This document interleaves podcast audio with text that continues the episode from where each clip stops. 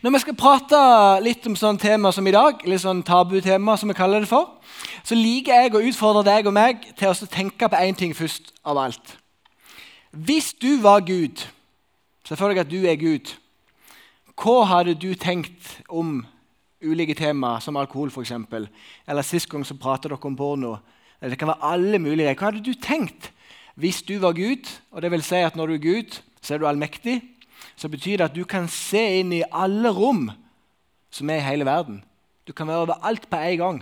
Så ser du hva som skjer overalt. Du ser det positive med alle ting, og ikke minst så ser du òg det negative med alle ting. For ofte er det sånn Når vi prater med de temaene, så kan folk være sånn ja, men Gud han er kjip, han er kjedelig, han er gammeldags. Han er så mye. Men så kan jeg love deg én ting. Hadde du vært Gud, hadde du sett alt som skjer i verden, så hadde du hatt en ganske annerledes tanke om mye som er litt sånn krevende tema for oss som lever i dag. Og Alkohol er jo et sånn typisk tema som er vanskelig å prate om, og litt tabu rundt forbi. Jeg skal prøve å male med bred pensel, og så blir det smalere pensel etter hvert med det som jeg deler med dere i dag. For noen år siden så var jeg hjemme hos en venn av meg. og han begynte å, Det var en ung, ung eh, mann. Han begynte å slite veldig med alkoholen. Alkoholen hadde rett tatt kontroll over livet hans. Jeg kom hjem til han, Dette var en hverdag. Alle var på jobb, bare ikke han. Kom hjem til han, Han var sørpa full, som, eh, altså, skikkelig skikkelig drita, som vi ville sagt der jeg kom ifra og gikk rundt der med Captain Morgan-flaska si. Så det første jeg måtte gjøre, var jo å ta den Captain Morgan-flaska, så måtte bare helle ut alt innholdet.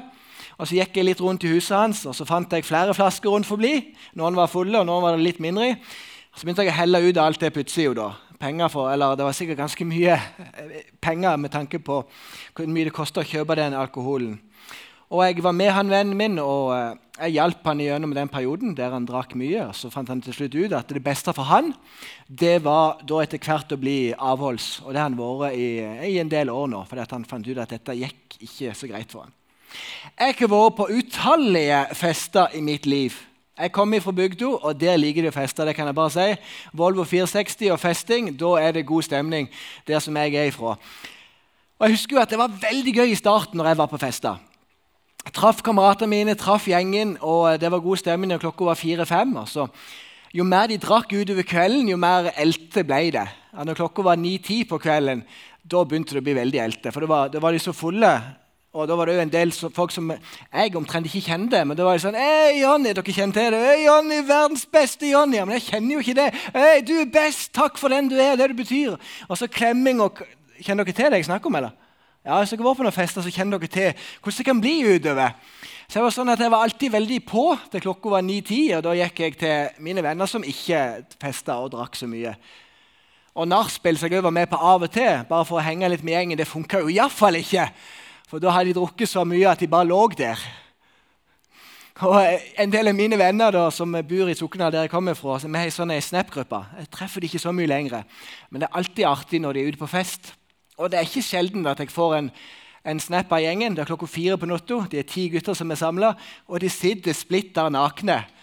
Alle sammen, og så sender de en snappen til meg. Jeg jobber som pastor og syns det er kjempegøy å få noen sånne snapper, for det er noe helt annet enn det jeg holder på med til vanlig.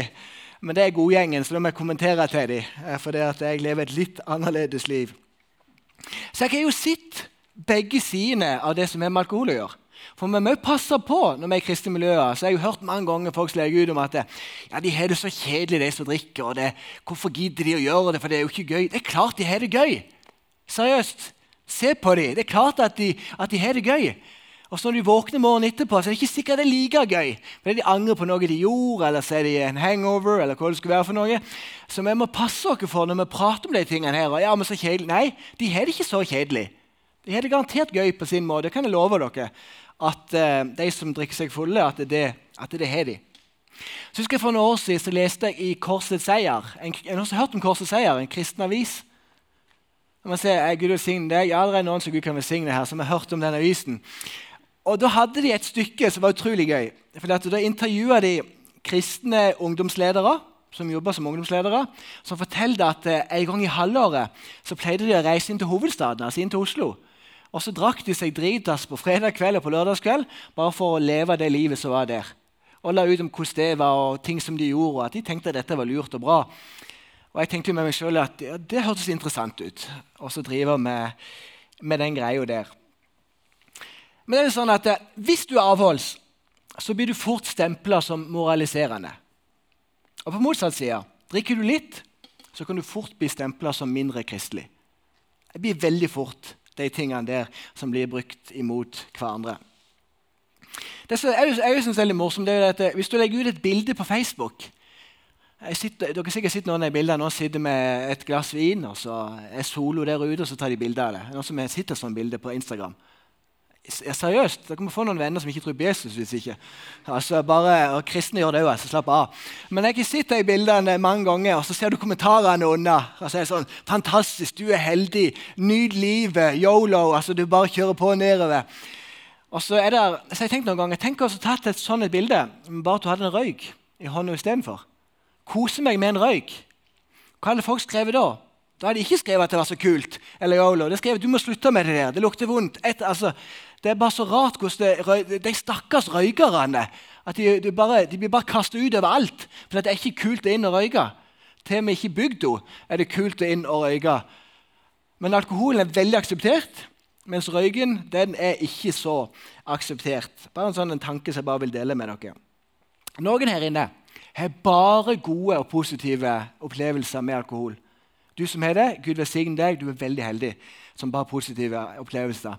Så er det noen her inne som kanskje nesten bare har negative opplevelser. Det er så vanskelig for deg, det som har med alkoholen å gjøre. Og Det kan jeg godt forstå.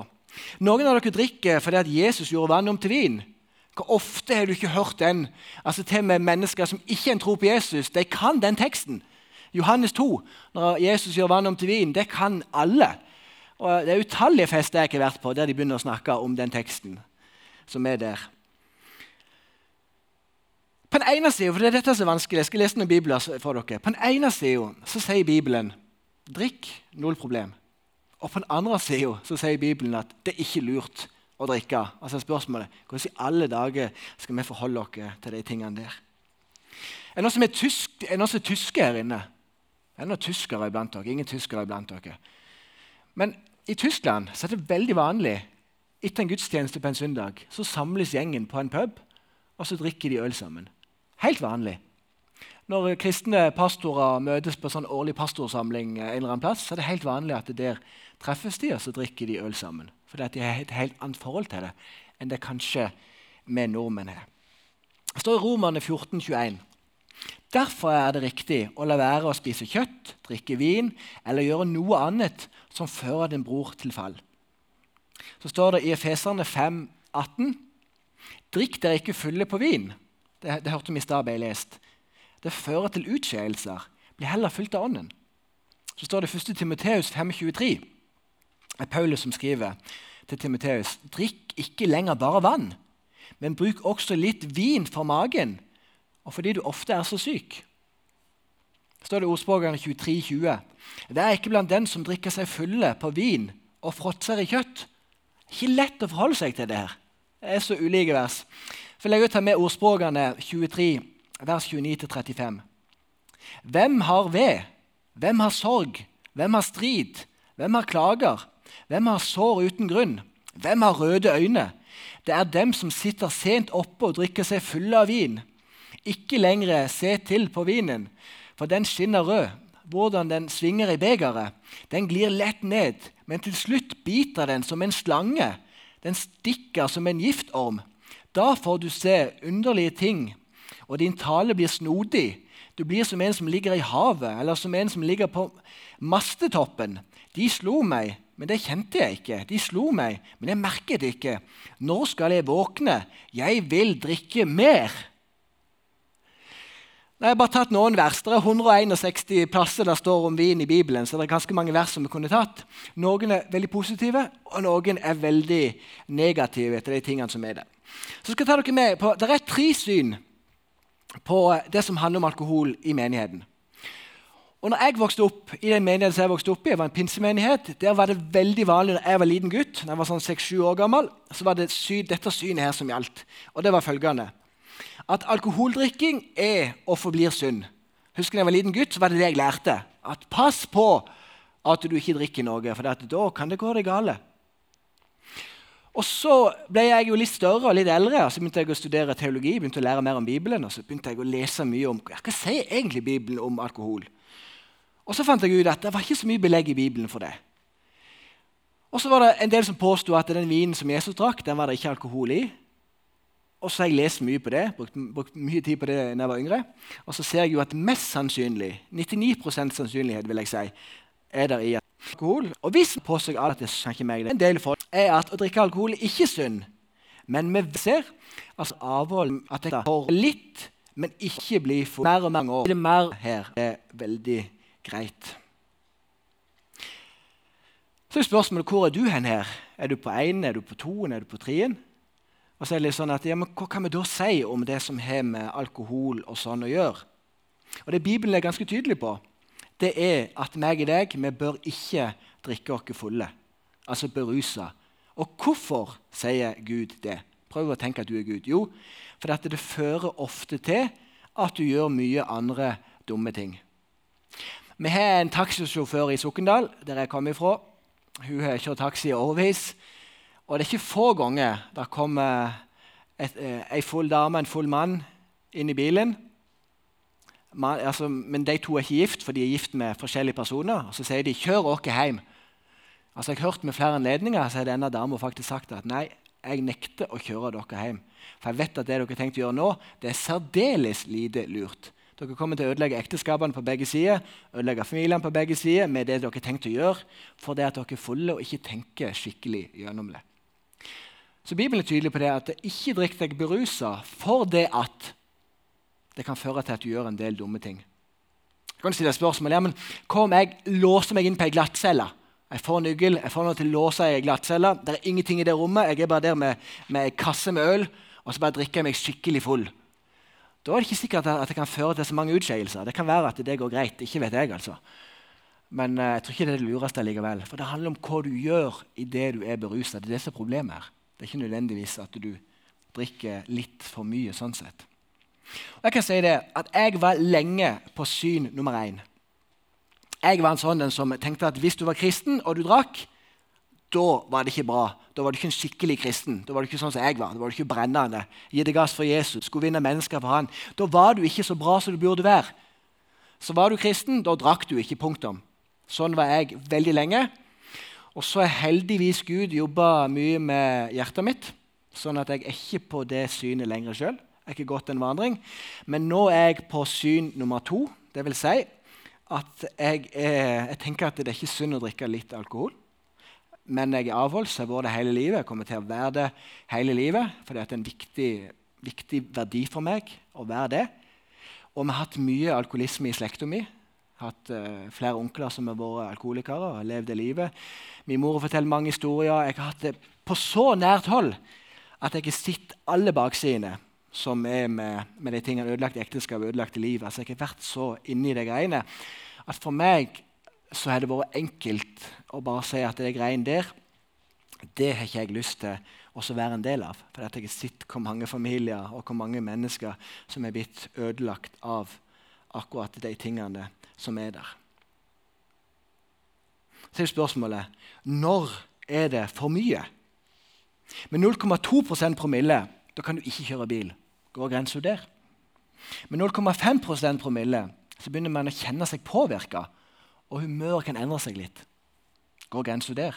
Ved 1% promille begynner man å bli ustø, og den kritiske sansen reduseres. Går grensa der? Når man når 1,5 i promille, får man ofte problemer med hukommelsen og balansesansen, og man er svært ustø. Går grensa der? Bibelen sier ikke noe om at grensa går på det eller går på det eller går på det. Det er litt sånn som du og meg må finne ut av. Men det jeg synes er så interessant nå for tida, hvis dere følger med på forskning på dette, så forskes det ekstremt mye på alkohol og hvordan den påvirker mennesker. Når jeg var 17-18, da var alltid min unnskyldning ja, Jonny, hvorfor drikker du ikke når jeg var på fest. Så sa ikke jeg nei fordi jeg er kristen. Det var ikke min begrunnelse. Jeg sa nei fordi jeg, jeg, er seriøs med idretten min. Det var liksom det jeg sa, for det er ikke på idrettslinja. Og trodde jeg var mer talentfull enn det jeg var. Så finner du fort ut at du er ikke så talentfull som du tror. Men da kan jeg si nei, men jeg er seriøs med det jeg holder på med. Så er jo problemet når du bikker 20 og du ser at du kan, du kan ikke bli noe stort innen idretten. Toget er gått for lengst. Du er ikke god nok i det hele tatt. Da kan jeg ikke si nei fordi jeg satser på idretten. Så var liksom, ja, hva skal jeg da si? Når jeg ikke kan si det lenger. Det ble en liten sånn en utfordring for meg, men jeg fant jo noen ting som jeg kunne si, for det, at det var viktig for meg. Men jeg skal bare si det, at mye nyere forskning viser at alkohol påvirker kroppen og hjernen mye mer enn det vi hadde trodd. Og Det er en undersøkelse som er gjort på 500 000 svenske folk. Det er mange, kan jeg bare si. En undersøkelse der du spør så mange, det er ekstremt mange. Kjempemange. Og De har spurt 500 000 svensker, og så har de sjekket hvordan alkoholen har påvirka dem, og da fokusert ekstra mye på hjernen. Og I den forskningen så viser det at majoriteten av de som utvikler en avhengighet av alkohol, de gjør det før de er 25. Nesten alle. Og halvparten av de som utvikler avhengighet, gjør det faktisk før de er 21 år gamle. Så det skjer i ganske ung alder at en blir avhengig av dette. Og den når en har forska på dette, så hør på det, for dette er så utrolig interessant. Det er det at I ungdomstida og tida som ung voksen der er en fase der hjernen er ekstra sårbar. Så Hvis du drikker mye i ungdomstida og drikker mye når du er typ ung voksen, så påvirker det hjernen. Og Forskning viser dette, at det påvirker mye mer enn det som vi trodde sjøl. Hvis du drikker deg full på, altså mange ganger i, i tenårene, så er det en stor belastning for hjernen. Og hjernen er først utvikla når du er 25-30 år gammel. Og Det som er så interessant, er det at de som har drukket mye i ungdommen, Sjansen for at de får demens når de blir eldre, er vesentlig mye høyere enn de som ikke har drukket i ungdommen. Og For ikke å bruke for mye tid på dette, så skal jeg bare gå mot slutten av denne undersøkelsen. Og Den viser det at de som drikker mye alkohol, de får en hjerne som eldes mye raskere enn en andre. Og det er ganske bevist at det skjer. Så kan vi stille spørsmålet, ville, ville du bli operert hvis du visste at hjernekirurgen din hadde drukket et par glass med vin? Har du tenkt deg at ja, han skal få lov til å operere meg? Vil du, vil du sitte på et fly der piloten hadde drukket? Ville du det? Det kan, du, kan bare du svare på. Eller jeg som selv er pappa, ville jeg ha ansatt en barnevakt for mine barn som tok med seg ei flaske vin hjem i huset? Jeg hadde nok ikke gjort det skal ikke jeg si, jeg har masse statistikk her, men jeg skal, ikke bruke så mye tid på det. Men det som er tydelig, det er det at det er veldig, altså fire til fem barn Hvis du er en klasse på 30 personer, sånn som mange barneskoleklasser eller ungdomsskoleklasser er, så viser forskningen at fire til fem av de ungene i den klassen er vokst opp i en, i en familie der foreldrene har drukket altfor mye. At de har fått negative opplevelser som har skada dem fordi at foreldrene ikke har kontrollert den bruken som de hadde. Jeg hørte om ei jente for mange år siden som vokste opp i en familie der foreldrene drakk altfor mye. Og til hver jul, hver julaften som hun eh, skulle feire med foreldrene sine, så ønska hun seg det samme. Og det var et nytt sengetøy. Og Hun visste at julaften var forferdelig hvert eneste år. Hun visste at mamma og pappa drakk mye, og hun kunne ikke vente til at hun skulle få lov til å åpne pakken sin. Og når hun endelig fikk lov til å åpne pakken etter de hadde spist middag og foreldrene var veldig fulle, så var klokka kanskje seks eller sju, så fikk hun lov til å åpne pakken. I pakken var det sengetøy. da. Og Da sa hun det samme hvert år. At kan jeg få lov til å ta med meg sengetøy opp på rommet og få lov til å prøve det? Og Så sier foreldrene det kan du få lov til. Og så grein hun seg i søvn julaften etter julaften i det nye sengetøyet som hun hadde. Og jeg er punktum. altså For min del, jeg er avholds pga. deg. Jeg er det. Det kan jo være at jeg har et gen i min slekt som gjør at jeg kunne blitt alkoholiker. Det kan veldig godt være. Det er jo en grunn til at jeg lar, at jeg lar være å drikke.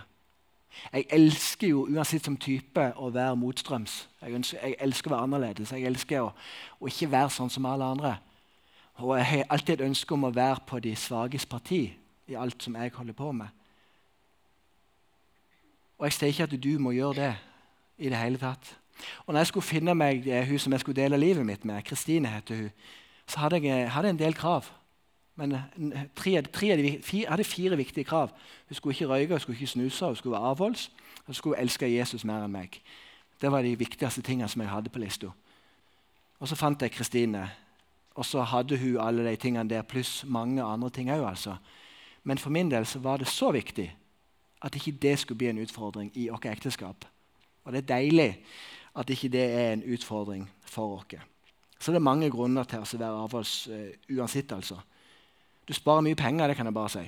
Det koster mye penger for mine venner som er ute på byen. Det er ekstremt dyrt med alt det som de kjøper i løpet av, av en helg. altså. Jeg vokste jo opp med foreldre da, som, eh, som, ikke drakk. Og Det var ganske deilig for meg som ungdom å bare kunne ringe til mamma når jeg trengte å bli henta en plass. Om klokka var ett, to eller tre på natta, så var mamma der. Var klar til å komme og så, og så hente meg. Jeg skal avslutte med en litt sånn artig historie. Jeg jobber som pastor. Verdens beste yrke. Er du i tvil om hva du skal bli, bli pastor. Kom og prat med meg. Det er så fint å være pastor. Jeg må bare få sagt det. Du, du er der når barn blir født, og så er du der når det er konfirmasjon, og så er du der når de skal gifte seg. Elsker brylluper. Tenk at du får lov som den eneste personen så kan du se brudeparet i øynene når de sier ja til hverandre. Det er helt nydelig å få lov til å ha det, det, det øyeblikket der. Og så får du òg lov til å være med og følge mennesker i døden. Som òg er fint på sin måte, selvfølgelig krevende, men det er så nydelig å være pastor. Og det gjør at jeg får lov til å vie mange av de vennene jeg vokste opp med. De jeg gikk på med, får lov til å vie. Jeg vier så mange av mine venner som ikke bekjenner en tro på Jesus, men de har lyst til at jeg skal være deres prest. Synes det er helt nydelig. Og For noen år siden så var jeg i bryllupet til en god venn av meg. Jeg hadde ikke hatt så mye med han å gjøre de, de fem til ti årene før det. Men han visste jo da at jeg i, i ungdommen da, i fall var, var avholds.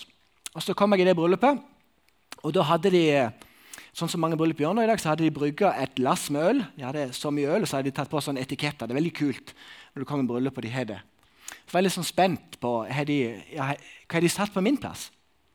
Og på min plass så hadde de òg satt på en etikett, men de hadde fylt min flaske med eplemost. Fordi at de nok regna med at Jonny han var avholds, selv om vi ikke hadde vært så mye med hverandre de siste ti årene. Så jeg var den eneste i den festen. Det var jo ei anna som var gravid. da. Men vi var to stykk i den bryllupsfesten som fikk sånn spesiallagt eplemost, og jeg var en av dem. Og da tenkte jeg med meg sjøl at dette er jo bare helt fantastisk. At de har tenkt på meg, og at det var viktig for dem å gjøre den ekstra tingen der. Om du er her inne, om du er av oss eller ikke, du er like kristen, du er like frelst, du kommer til himmelen, slapp av. Det handler aldri om det i det hele tatt. Du må, du må, ikke føle det på den måten der. For det er ikke synd å drikke litt alkohol. Det er ikke det. Men hvor går grensa? Det kan bare du finne ut. Og En venn av meg han opplevde i fjor at han begynte å drikke litt for mye. en kristen, kristen venn av meg, Så han bestemte seg for at han ønska å ha et hvitt år. Så i 2024 så drikker han ingenting. Fordi at han merka at, at, han begynte å drikke litt mer enn det han burde gjøre. Og Kanskje du er inne og du trenger òg å ha et hvitt år. Det skal ikke jeg svare på. Det må du og Gud finne ut sammen. Det, det er det viktige. Men du er like frelst om du drikker eller ikke. Men jeg kan bare si at jeg elsker livet mitt som avholds. Og jeg kan anbefale det på det sterkeste, bare så, bare så det er sagt. Det er et nydelig liv. Jeg skal be en bønn. Kjære Jesus, lovsangsbenken er bare kom opp. Kjære Jesus, tusen, tusen takk for det at du er så fantastisk god.